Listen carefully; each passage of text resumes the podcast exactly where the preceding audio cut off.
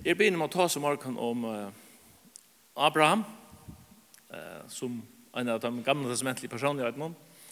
Og jeg sa en som stod her, det var av Patle, det var for tre måneder siden, tatt tog seg om Abraham.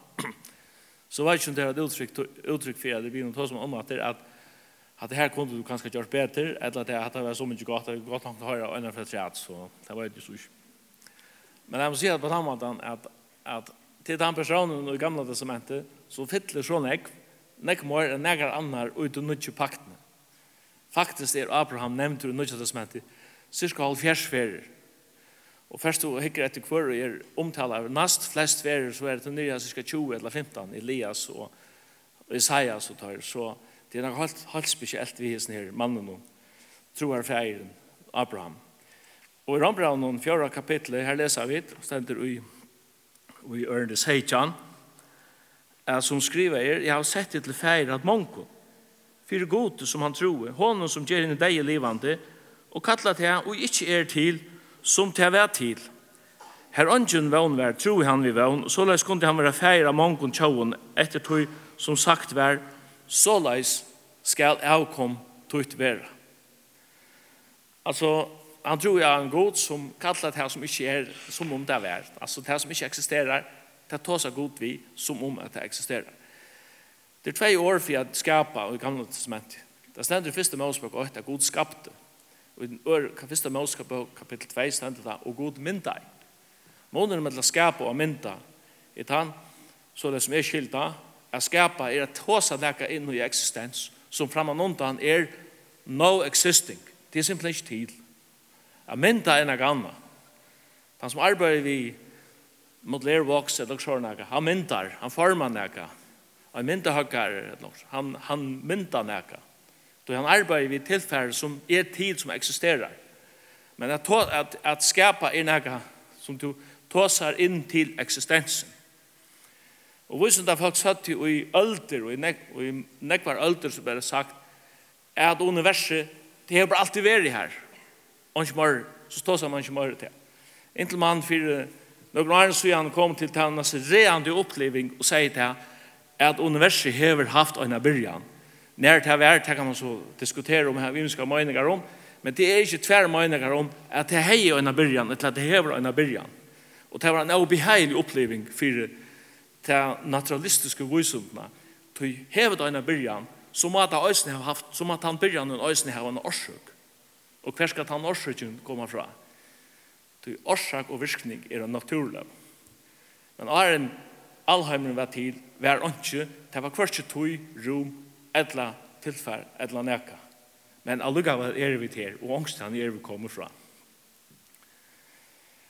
Men her stendet det at han tror ja, at han god som taler til som ikke er til, som om det er til. Og det er just det som god sår lærer oss. Hette han god som vender seg til en mann som bor jo i øynene bøye og i Ur og i, eller, og i Mesopotamia. Og sier vi han, fær ut fra land og tøynen, fra skilfalt tøynon, og det er akkurat som han sier, kvett alla brøyr og sløyt alt bond og færre sted. Man kan virka som at god sier vi han, at familjen ikke hadde høyre tøytning, slett av igjen. Nu er det til å si at, at Abraham har en særlig oppgave, og han er lykka som prototypen, eller mynden av tøy, som det betyr at tryggva. Bibelen forteller meg, Øysnet her, han som ikke har omsorgen for sin egne, for sin egne familie, han er egentlig verre enn han vantrykka. Så man øyer at han har omsorgen. Det er ikke her man. Men i Abrahams tilfelle var det såleis at Gud sendte han ut av en affær for at avprøve mannen til å teste han og at det skulle alt koppast av og alle bror såleis at alle det som Abraham hei skulle være av herran god til skærene og ångan anna. Og det var en trobel ferie skal for utan. Han får sted, stendet da, men han visste ikke hver han kom. Her var ikke kort, ikke fyrirrøyning, ikke GPS, eller noe som helst. Den eneste navigasjonen vet jeg, at han tror at han som er i Katlan var øyne for fire av løya. Så skulle de fære ut i alle detaljene av løyene til Abraham, så kunne de sitte her alle søttene part, så det skulle nok spære det kun fyrir. Men lad oss bare slå oss til tals ved her, at han kommer til landet som god til kallan til at han har mange år, at han minst 20 år, at han endelig kom til til, som man sier, bestemmelsessteget, og han bytter her sier alt her som han er i landet nå, men han, opp, han opplever eisen rønter i landet nå. Det første som han opplever, ligger som velkomsthalsen som han fjær fra skaparen, og han kommer til landet, land lyftes syns, landet som vi søttene leser om, det flyter i mjölk og hun er ikke, den velkomsthølsan, velkomstbukettet, det er det kommer en hungersnei i landet. Skriften sier åkne at det er tryggvinn til at det kommer røgn, så virker hun tål. Og det gjør Abraham i disse situasjonen. Jo, han gjør det til som er mennesket det gjør det. Han hiver teltpillene opp og begynner å flyte seg sår etter, og han enda i Egyptaland. Og i andre linn høpet så har vi ødel som prøver å ha seg ferien her tøyer koma hver tingene pressa oss så hardt, jeg vil si, kan dette her virkelig betala seg, og vi sier ganske, hver er no god i ødelen hins nere hurde vi altså. At han hånd som hei løyt han ur ordet kaldea, var østene førfire, at løy han heimater ur Egypta landet og plasserer han atter og i, i Kanas landet så les at han bosetts der og kommer til at atter til etla bytje til tre altar som er i Hebron og i øyne mamre og faktisk stendet her fire det betyr egentlig at fastløyke at man kan se ut som tror løy vi heian finnes jo fast under, under fautun og jeg vet ikke, jeg vet ikke om jeg skal bruke året at han sier at troer løy var blivet stabiliseret alt opplever røyndur. Og i hans samband har vi hva, jeg har sett en spørning Hva skiler du ta i året trygg for nevnt. Hvordan oppfatter du året trygg? Jeg hørte en kjent en filosof du for en 14 døgn siden av YouTube. Han er, jeg vet ikke, jeg tror ikke han er bekjennende kristen, men han er så, ikke noe som hever noe måte. Så. Han sier, if I øyler ofte han spørningen, do you believe in God?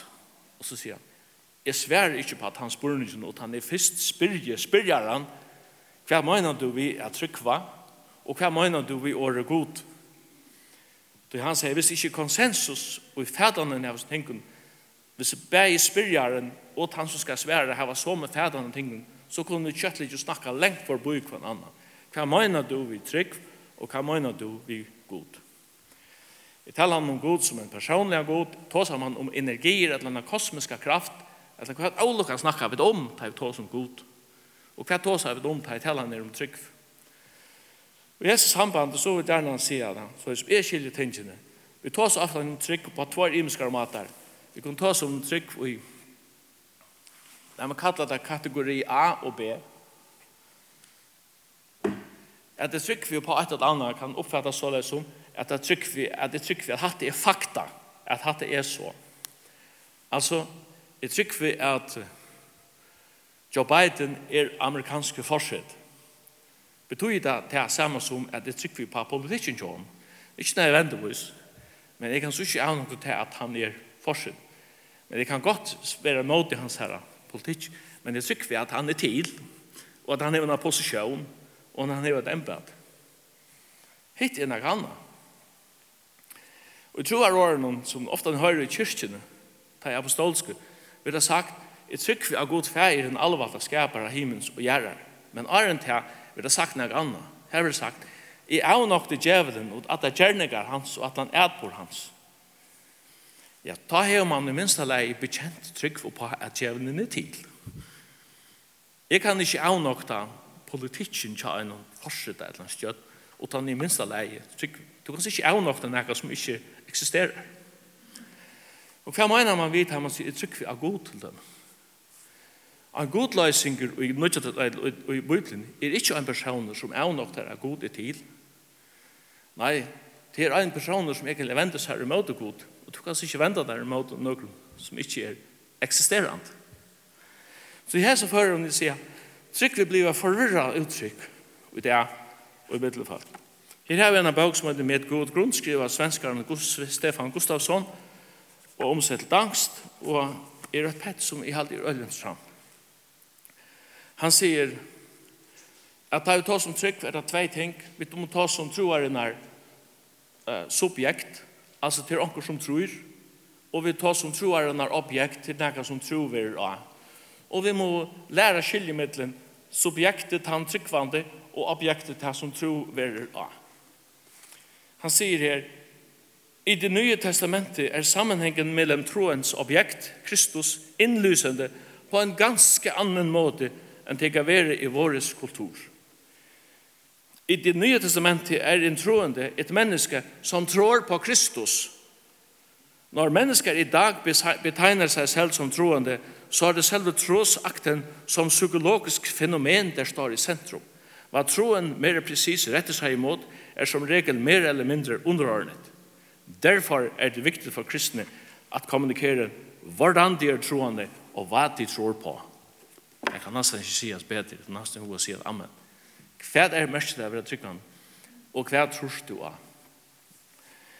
Til er en hending i Marskos evangelien, fjorda kapitlet, her det stender så løs. Samma dagen til kvöldet var kommet, sier Jesus vid lærersvennen, Lad dere fære i rom!» Så lad dere følt ikke fære, og tog han vi, som han sier til baden, «Øysen i ære bader fylltes vi hånden.» Da kom herre stormer og sjekkvande brot i inn i baten, så baten var vi av fyllast. Men sjálfur la Jesus og svev i bakskoten av kotta. Da vakti han ta og sette vi han, Møster, legger du han ikke i, han vi genga borster. Da røst han og høtti av vindunnen og sier vi vattnet, ti over stilt. Og vattnet dak borster, og det ble blika lagn. Så sier han vi tar, Hvor er det så rattir? Hvor hava det ikke trygg? Tar øyta av størlige og søtte på vi annan.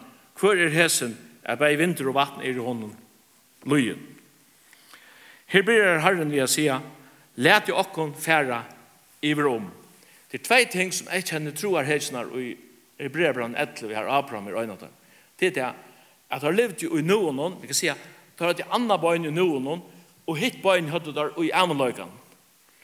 Og hese bare tingene er ikke han du lov. Mennesker det at jeg lever ofte av den forstøyene, og så planer planlegger det i fremtøyene, karriere, utbygging, pensjon og alt det her forskjellige. Nå er og avløyden kunne ofte bli nye tøvner. Men det er viktig viktige tingene. Det var en som sier til at han som ikke råkner ved avløyden, han råkner skøyft.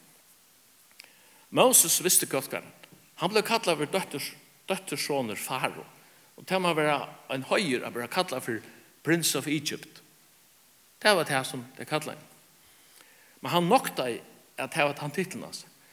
Og det stender han valgte fyrre løy ilt vi følte gods enn at han var en stort av njødning av sin og at han råkna i lort han jo han råkna i vann er Kristus her så spyr man vann er Kristus her han levde 2000 år og Kristus lukka mykje på en eller annan måte så er god å bære honom vid Guds anda om en endeløsere som skulle komme som la i framtiden. Og han råkna i vannærene til hånden som kom 2018 for jeg var større rydgjødom enn skatter i Kjøptaland. Og hva gjør han det? Til å svære på det. Tog han hukte fram og imot i løn. Noe og amaløgjen er connecta i og løvendjøn. Tog ender han her i Hebreerbrand 11 som en av troarhetsene Moses. Og det gjør Abraham og Østen. Det undrar meg å lese Markus 4 og stafas at jeg at det øynaste fer i øtlen fyra evangelium at det positivt leser om at Jesus svev. Jeg så ikke det ånke her sted. Han var en menneske som var god åpenbærer i holdet og i leden et likam som er og tog i øtlen tar min avmarsking som et likam og ena forhever. Han kjente til møye, han kjente til hunker og han kjente til tosta og hei øysten bruk for svøvn. Men det undrar meg at selv om han øyva hever sov nær seg hver natt hvis langt det var det ikke. Men det eneste fer du positivt kan lese om en sovande Jesus er ui en bati, ui en orskan, oppnå bati av Genesasjå. Det er ikke vanlige omstøvende som står i hans her løyve, og som gjør at mennesket de har tala vil bli sagt, han må ha utrolig gav og svengaver. Men her er altså alt andre ting vi tar oss om. Det heter er skot åpenbæra over og i halde. Og ta sier vi han og i noen noen legger to anki ui av vi genga borster. Nu er nu i evigtisar sånn at han har glemt avleg. Han røstes opp og han høytter vind og alt. Men framan undan har han sagt vitt her. Læti okkom færa iver om. Nu færa vi debatten, og vi færa iver om. Og ta i han sier at vi færa om, vårt du så færar man iver om. Og han sa, om du færa til bånd, så da kommer iver om etter botten om. Det er det som han sier, det er avsvidalit. Det er makt og kraft. Det er det samme åren som tala i, det er inne i eksistens som ikke eksisterer i. Det er den samme måter som skapte i allheimen ur ångon som sier, nu får vi i Rom. Og da han sier vi fer Rom, så blir det til at ganga bort. Han sier, tar seg vi han, lekket åndsju i, og han røstes og høtte vind og alter, og det ble lika lagt. Og så spyr han der, og et annet evangelium sier, at spør noe så, hver er tryggtikkara? Han spyr noe ikke egentlig hvordan sterske tikkara trygg. Han spyr heller ikke om vad ska man säga dessa här atrunna som är då i ungen men dessa livande trunna atruarinnar objekt som är Kristus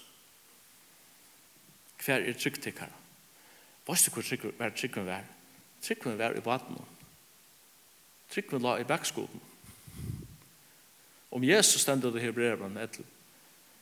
Han troer den her, med henne og fullkomar.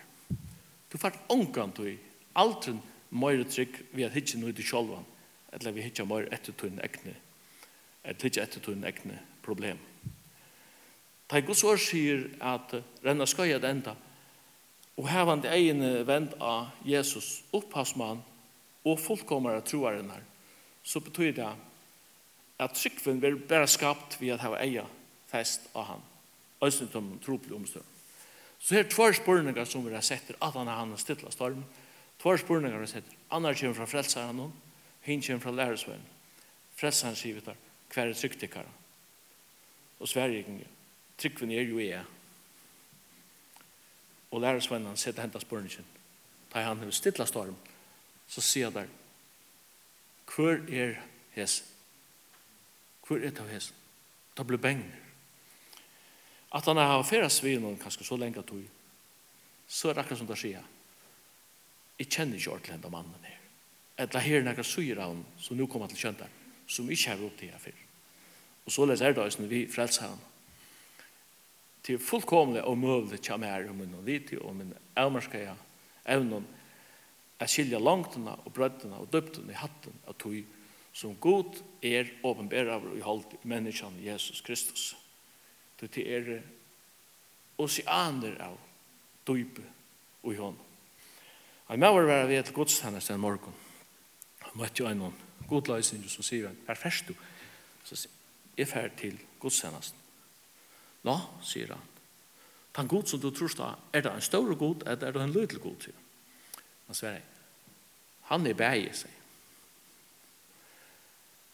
han er så amarskaver lødel, han er tidlig bostad og i mer, og bor i min hjärta. Men han er så mäktig och stor at himlan er, ja himlar er rom och honom inte. Och allt detta mysterium, det är öje. Det är inte något som vi rationellt kunde fatta, men vi trunner så upplever vi det här. Allt det här är det ting som Abraham fer i tjocknen. Kan så prøve at uh, forstilla det er en mann som skal leva sitt troarliv, Det stender ikke om at han har noen høylige skrifter. Jeg vet ikke om Abraham dødde å lese eller skrive. Det er han mulig gjort. Men du leser ikke om noen høylige skrifter. Eller at han kunne begynne om morgenen ved å slå opp i en andagsbok og lese for å få daglig hans styrk til deg. Han kunne ikke være en sånn dag, at han leier det, eller en sabbat det til en kyrkje, eller en godsennas, eller en synagoge. Da han hei ångan halvdom å løyde til. Han er så skilja seg av i alt sitt alt de nærmeste, som man sier, feir og kjølfalk og viner, og han har jo egentlig lagt viss her, men han på et tidspunkt måtte han avsende til å god til sin vi han, og til han måtte skille det av, så er det veiene skiltes og sin kjantaimen. Han har ikke utan sambandet vi har. Og det var ikke at det var mer enn nok for han.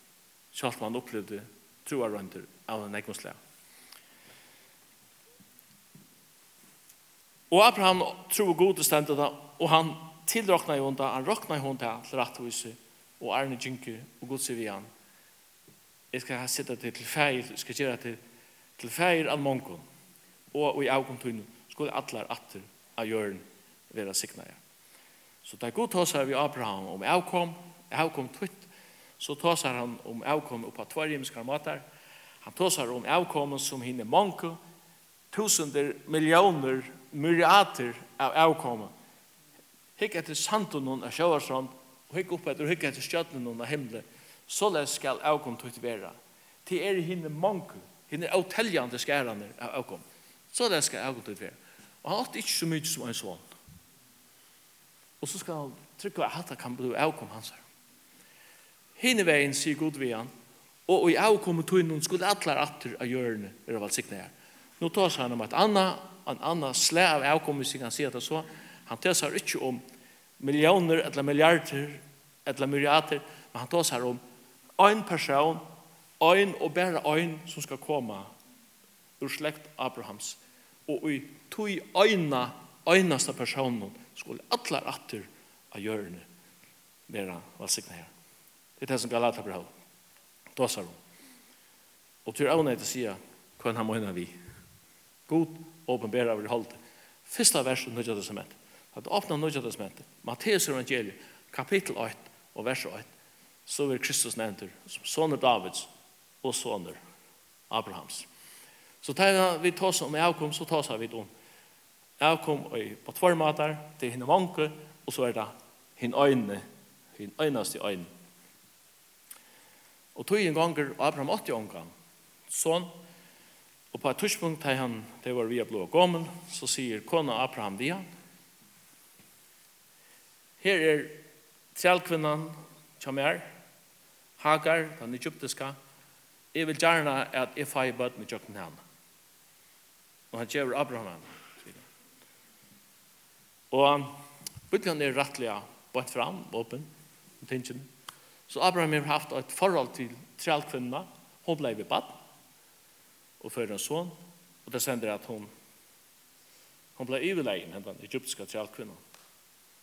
Hon gick inte här vid, vid graviditeten og hon lukket som jeg vet ikke om hon kunne ha vurst boken for Sara og Arkan och säger er sørst du Og Sara ble i øynene, hon tändrade i hon ble ill och för ödla vid henne ständigt hon henne ut og hon kommer så att Guds angel sier vi Hagar, fer atter og ein møyk til fire tunnar fru, og hon vender så innatter til Sare, og ein møyk til seg for henne. Og hon fører en sånn, og han fer navnet Ushmael, som merker av god høyre. Og så stender det ut i ena kapitlen, han enda så leis, Abraham er 46 år, ta i Hagar, født i hånden, Ushmael. Så leis enda han ene kapitlen. Og så byrjar det neste kapitlen, ta i Abraham er 95 år, så hender det hans hekna. Og så kommer den simple matematikken inn og sier, fra at vi har kapittel endar, han er seks forsvarer gammel, inntil han nødja til han nødja kapittel ikke vi, han nødja til hans år, så genga altså 13 år. Her færre enn 5000 dager genga her. Her hender ikke som vid vid om. Her er steindeg tøgn. Ikke vi skriver om hva det hender i 13 år. Annan til at jeg Abraham i Nudjoltheim så er, så kunne vi råkna ut at nå må Ishmael være 13 år gammal. Og han er ikke nekka dronker som nu ligger gulvar av gulven. Han er ute i pappasunnen. Jeg vet ikke hva han gjør. Passa kreaturen, seg og neit og fletter og alt det der. Og i 13 år lever han ut i støynsikre trygg. Jeg er soneren som god til å lave meg. Kanskje jeg kom til alle atter gjørende skulle velsigne og hinne mange til å komme. Men så er det svært det bare slett ikke. For god det er bare en soner til Abraham, og til soneren etter lyften. Galata Galaterbrevet tåsar om at Abraham er tvær sine senda. Annar var føtter etter holden og hinn var føtter etter lyften Og så sier han, hette hever han egentlig en andalian tøtning. De kan lese Galaterbrevet kapittel 4, som omtaler akkurat hese tingene. Så tar jo Abraham fer vidtjene av god og god sier vi han, at du skal få en son, så sier Abraham, hei bare usma a liva fyrir asjon tøyn. Jeg har ikke bruk for det. En nødgjøn son. I oi oi Så jeg kan det sier han, jeg behøves ikke nærkant usak. Jeg har ikke bruk for det. Og Gud sier vi han, du skal få en son mest om et år vi konutun tøyn svar og Abraham lei. Og så etter kommer god av vidjan. Og det samme hendte i at Sara flent. Men hver rett han at er etter kommer god at, og ta hever han, hever han finner en son, og gav hon noen navn i Isakur. Hva er det måneder mellom Ismael og Isak? Da hadde bare samme feir, tryggven, Abraham er feir at ötlen som tryggva sent. Men der hadde kursen av mamma. Hagar er mynd av lovene, og Isak, nei, og Sara er mynd av nei. Lovarversk, holdsensversk, kan, hvis vi kan bruka til uttrykket, produsere avkom til øymikværa tog. Men en sånn rett lift noen, han kan bare førast i gods tøyma. Så les er bøndermann mitt. Ta i Isaker skulle venjast av brøste, som det stender, så var det vanlig kanskje ta i mentanen at halda i gesta på, det gjør det Abraham øysene, og hesen i dronker som kanskje ta i 14 år gammal loksen Ismael, han spotta i. Han flente. Han var anvirdig det som gikk fyrir. Altså, at gjøre sånne rocks på sjur en baby som ligger i etter lyfte ned, jeg vet ikke hvordan han er også, altså. Det er sånn her, cool teenager som sier. Og så er det tendra i botten og sier, og mannen ikke seg, takk han den dronjen her, og takk trælkvinna, og rek deg vekk, skjutja deg fyrir min egen. Det er altså ikke noe som fattelig gaua i år til Abraham. Det han var gaur vi sånne kjenner seg, så fyllt. Men god sier vi, du skal gjøre som kona din sier. Rek deg ut. Det er ikke å forstanda, særlig humant, ikke, men så var han jo langere enn hatta. Herren sier vi han, jeg skal tega meg av drøngen om, og jeg skal gjøre han til å størt folk østene. Jeg skal østen sikne han. Men lyftene genga og tjøkne og Isak. Det er tjøkne han av lyftene. Og Abraham tenker så rekker konna, eller trelkvinna, hagar og sånne kjerner. Og vi hører oss ikke redda nekmar om teg annet til at jeg halte til en vøkersøve som fortalt at jeg Abraham døyr søttene, da stendte det at det var sinner hans her Isak og Ismael som gjerra i feiersøyt. Det var noe rørende å lese. Så et eller annet endte det. Og da jeg og det leser jo i bløvene så har jeg i Suttje, så har land som de arabiske landen som dømes i Iran. At det er noe den største vedkjengene man ser i hamsøvene som hender i det i muslimske landen, så tanker det finnes også en sikning Guds iver og og legg mest til at her Gud sier vi Abraham at i uisak, og i sånne skulle atlar atra gjørne være velsignet her så reiser slekten til Ismael og alle føringar du sier det vi her i morgen vi er ikke bøtene avkom Abrahams etter holden men vi er bøtene Abrahams etter lyften annars hadde vi ikke sitt her i morgen Og Abraham dør, og han har finnet nækka av tog som lover. Han bor i kjøltun sendte det. Alt sitt liv, saman vi Isak og Jakob, samarvingun, hinn samme lift. Han opplevde omgang tog at han var fern ur kaldea. a byggva ui øynon boi. Men det heldet er avtrykket tilværende a byggva ui kjøltun. Men det stender i brevbrann, at det er at noe sa Amalekant, då han vanta i stegen som hei fastan grundvett og kvart bytjumastare og skapar i god. De som livet at han nått viser hervi at de løyde etter en fedraland. Det er tre ting som god vilde vi. Abraham, lyft noen han sier, færre sted. Jeg skal gjøre det et land. Jeg skal gjøre det til et folk og jeg skal gjøre det til sikning. Så hans tru tingene er pura sentral i løyvnån til Abraham, til landet, til feltje, og så er det sikningen. Så kan han spyrja hva kommer først. Jeg god lagt han inn i landet, bosettes i landet, nå, for at landet skulle være ramman om et folk. Og her utfra skulle så sikningen genga. Les du gamla testamentet, så sørst du fer etter fer, at folk ikke sveik, de vendte seg borte fra gode. Og hva er det hva hendte? Han oppgav landet, han oppgav landet. Babylonere kom inn, råget deg ut ur landet noen, og så var det. Det har god ikke ikke har fasthalta deg ui under landet, hvis han har mist folk. Så gjør det han kan mening å halda fast ur landet. Og det er en reaktion eller en eller hendingar som du sast sast atter og atter og i søve jødana. Det landet, folket ble drivet ut ur landet. I Babel leser vi men det var utlegg. Det er jo nek, nek, nek og aratana Abraham. At her satt, sette de seg oss, de søkte god og de akadde navn herrens lengt bort ur en fremmande land. Og hva skal Moses sier, han sier, jeg venter til dere kan borste fra meg, så skal jeg rekke dere ut dere egna land, sier Herren.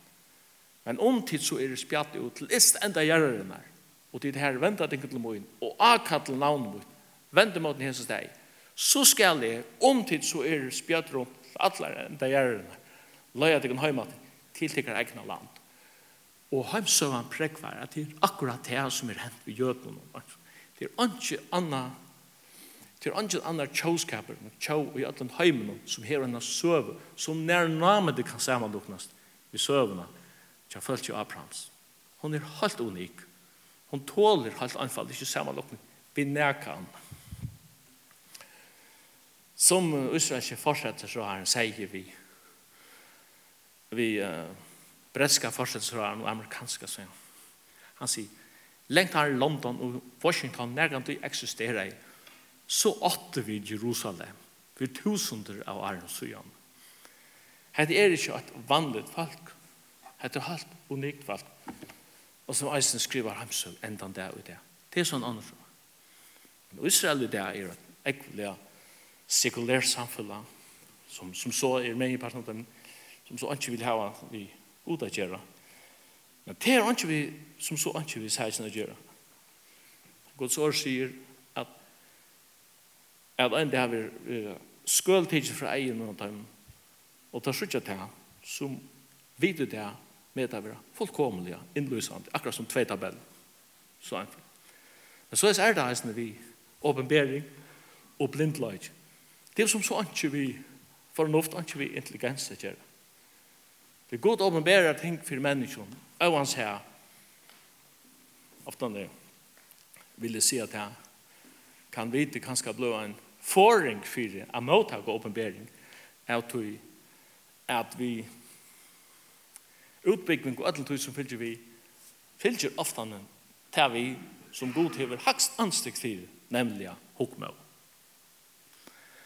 hadde kan standa for min egen råkning men jeg tror mye by om skilta for å si at alt er bare sånn men Jesus sier jo henne for såleis Jeg takker deg, feir, at du hever dolt dette for vusen og klokken, men du har åpenbæret dette for avmyndigen.